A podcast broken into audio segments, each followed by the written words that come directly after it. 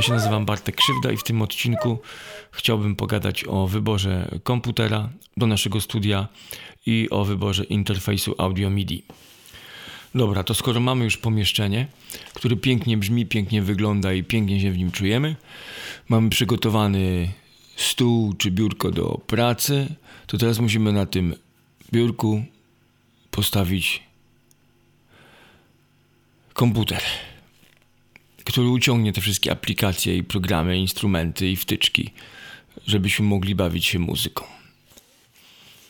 Czy komputer stacjonarny, czy laptop? Ja wybieram laptop, bo nie nagrywam tylko u mnie w studio, tylko gdzieś na zewnątrz, więc potrzebuję mobilny komputer. Wiadomo, że laptop o tych samych parametrach będzie droższy niż stacjonarny.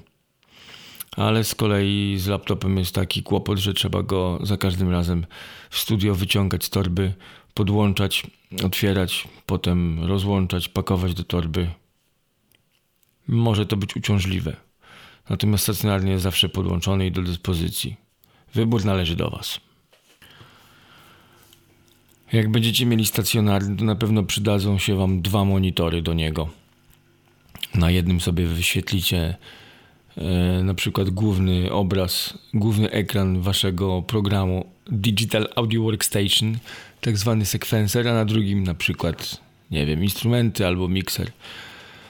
I do laptopa też fajnie jest podłączyć dodatkowy monitor albo nawet telewizor. Czy w przypadku stacjonarnego czy laptopa zwróćcie uwagę na przekątną ekranu, żeby ona była jak największa. Ja w tej chwili mam 15 cali Boże, ile to jest 15 cali? Dlaczego to jest w ogóle w calach mierzone? Czy to nie można mierzyć w centymetrach? Ktoś zna się na tym? No i te 15 cali to jest za mało, to jest troszkę męka. E, planuję sobie zainstalować w studyjku e, po prostu telewizor 32-calowy, podłączyć go przez HDMI do laptopa i wtedy bez problemu będę mógł oglądać te wszystkie robaki na tym moim programie.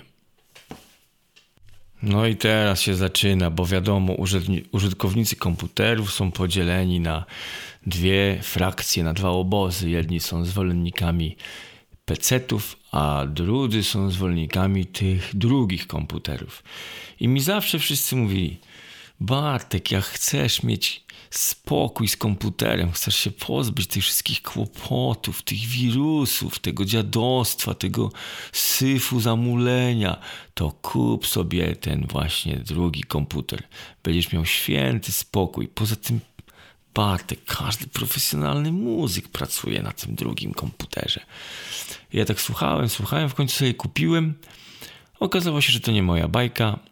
Nie będę się rozwodził dlaczego, po prostu nie pasuje mi ani system operacyjny, ani programy, które są tam poinstalowane, które są do dyspozycji na, na te komputery.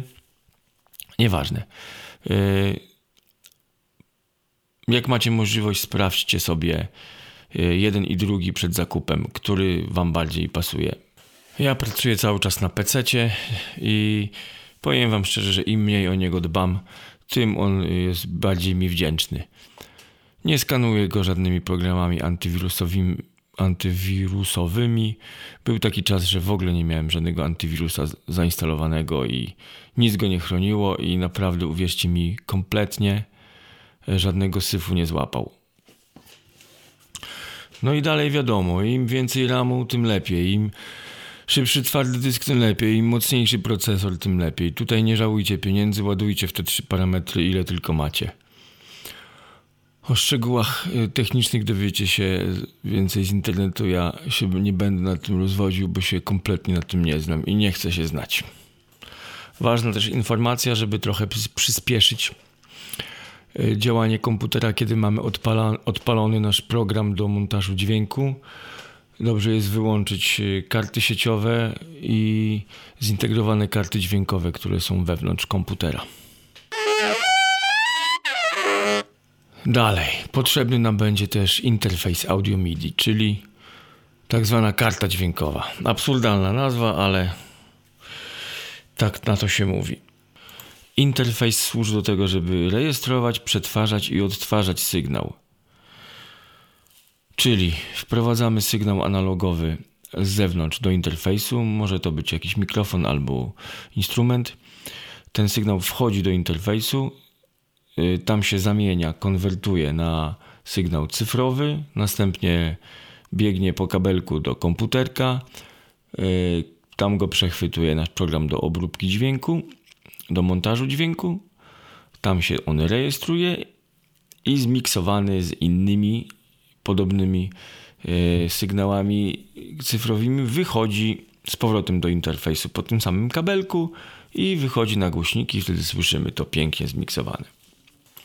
Dla wyjaśnienia, sygnał analogowy podany z zewnątrz do interfejsu wygląda tak. Na przykład w przypadku mikrofonu. Śpiewak śpiewa do mikrofonu. Mikrofon odbiera jego śpiew i po kablu, który jest podłączony do interfejsu, podaje sygnał analogowy temu interfejsowi. Ten interfejs go odbiera, cieszy się, że coś do niego przyszło, natychmiast go konwertuje na sygnał cyfrowy i szybciutko wysyła kabelkiem do komputera. I tam już wiadomo, co się dzieje.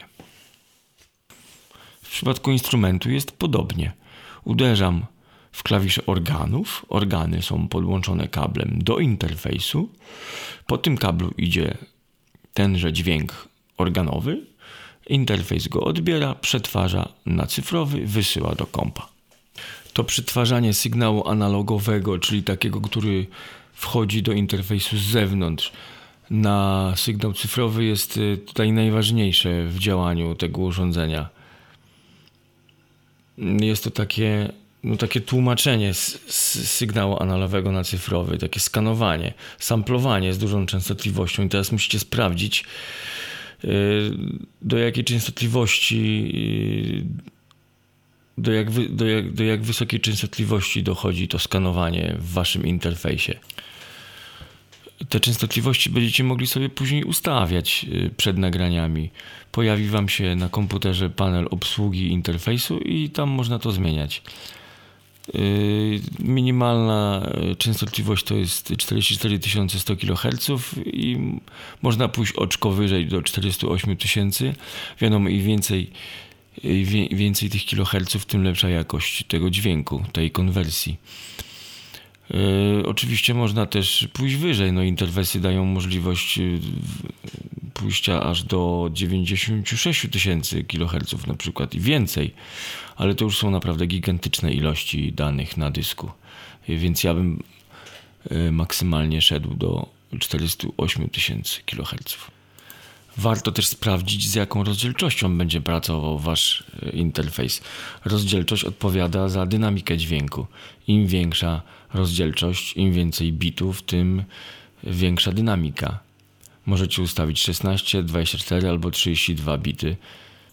Wiadomo, im więcej tych bitów, tym więcej to zajmuje miejsca na dysku, ale naprawdę warto. Jeżeli tylko wasz twardy dysk y, uciągnie i pomieści te, te dane, to nagrywajcie w 32 bitach. To też można ustawić w tym samym panelu. Sprawdźcie też, czy ten interfejs, który chcecie kupić, ma wejście i wyjście MIDI, bo okazuje się, że niektóre nie mają. Mają tylko wejście i wyjście audio. MIDI jest bardzo przydatne. Rozwinę ten temat później, w innym odcinku. Wasz interfejs też powinien sobie radzić z latencją, czyli z opóźnieniem, taką chorobą, na którą cierpią komputery.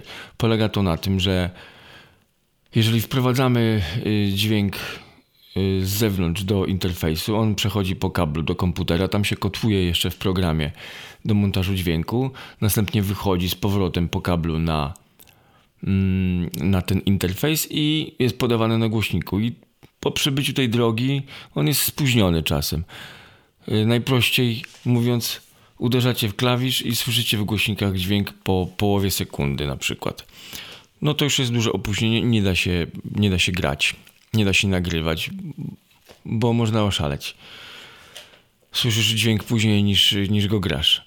Ale dobre interfejsy znakomicie sobie z tym radzą, nie martwcie się. Można zejść do 3 milisekund i to już jest naprawdę w ogóle niesłyszalna latencja.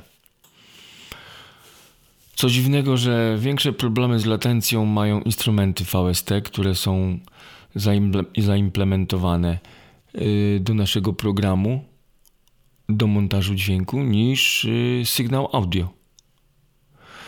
Także dla sygnału audio wystarczy 10 milisekund i nie słychać w ogóle opóźnienia, natomiast dla sygnałów MIDI już potrzebne są mniejsze ustawienia. Dlatego sprawdźcie do ilu milisekund może zajść latencja w waszym, e, w waszym interfejsie, który chcecie kupić. Jeżeli macie fundusze, to e, zainwestujcie w interfejs, który ma cztery kanały wejściowe, czyli in, i cztery kanały wyjściowe, czyli out.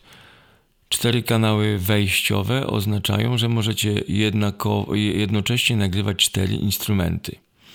I one się zarejestrują w waszym programie na cztery oddzielne ścieżki.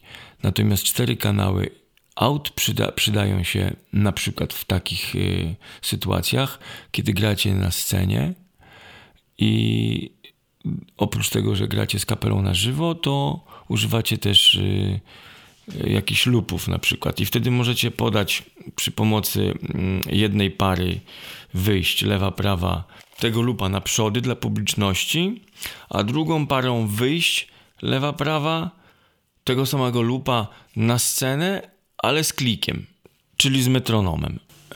W przypadku interfejsu, który ma dwa kanały wyjściowe, e, taki sam sygnał pójdzie na front i taki sam sygnał pójdzie na scenę. Czyli na przykład publiczność usłyszy lupa z klikiem, żeby bębniarz też miał klika. Albo publiczność usłyszy bez klika, ale bębniarz też nie będzie miał klika i wtedy ciężko mu się będzie utrzymać w rytmie. Ewentualnie puścicie na front lewy kanał, czyli mono, lupa bez klika, a na scenę prawy kanał, też mono, ale z klikiem, ale grać w mono lupy nie ma sensu. Boże, jakie to skomplikowane jest.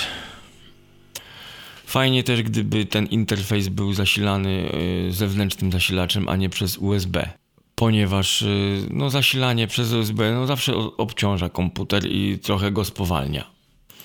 Interfejs może się komunikować z komputerem przy pomocy dwóch y, najbardziej popularnych teraz łączy, czyli USB, które jest wolniejsze troszkę, albo przez FireWire, które jest szybsze. Tylko musicie sprawdzić, czy wasz komputer ma podłączenie FireWire.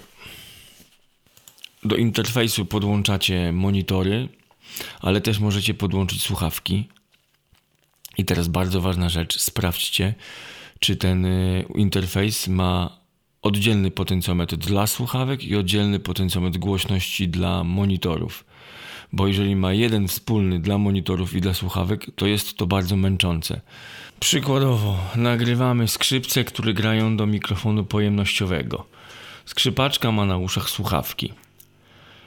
I chcemy, żeby ten mikrofon nagrał same skrzypce bez y, dźwięku, który się sączy z tych monitorów, które są rozkręcone. Więc ściszamy potencjometrem te monitory potencjometrem, który jest na interfejsie. Ale ściszając monitory, ściszamy też słuchawki, bo to jest wspólny potencjometr i dla słuchawek, i dla monitorów. Więc żeby zostawić słuchawki odkręcone głośno, musimy wstać, podejść do głośników, wyłączyć je albo ściszyć potencjometrem, który jest na tych głośnikach. To jest męka udręka, więc muszą być dwa oddzielne potencjometry. Jeden do słuchawek, drugi dla monitorów. Wtedy jest bardzo wygodnie. Jeszcze jedno bardzo ważne udogodnienie, które powinien mieć Wasz interfejs, to potencjometr balansu pomiędzy sygnałem, który się właśnie nagrywa, a podkładem, do którego właśnie coś dogrywamy ten potencjometr będzie miał z jednej strony napis input, z drugiej strony playback. Jeżeli skręcicie w kierunku playback, to będzie się robił głośniej podkład. Jeżeli skręcicie w kierunku input, to będzie się robił y, w słuchawkach głośniej sygnał, który jest właśnie nagrywany. No dobra, ciężki był ten odcinek, bardzo techniczny. Trochę mnie zmęczył. Mm, ale to są naprawdę bardzo przydatne informacje, bo jak sobie fajnie dobierzecie interfejs, to będzie się dobrze na nim pracować. Oczywiście czytajcie też na forach opinie e, o tych urządzeniach, które chcecie kupić. To jest najlepszy drogowskaz. Następny odcinek będzie o monitorach studyjnych, o słuchawkach, o programach do montażu dźwięku, o wirtualnych instrumentach, wtyczkach itd. itd. Dzięki wielkie, do usłyszenia.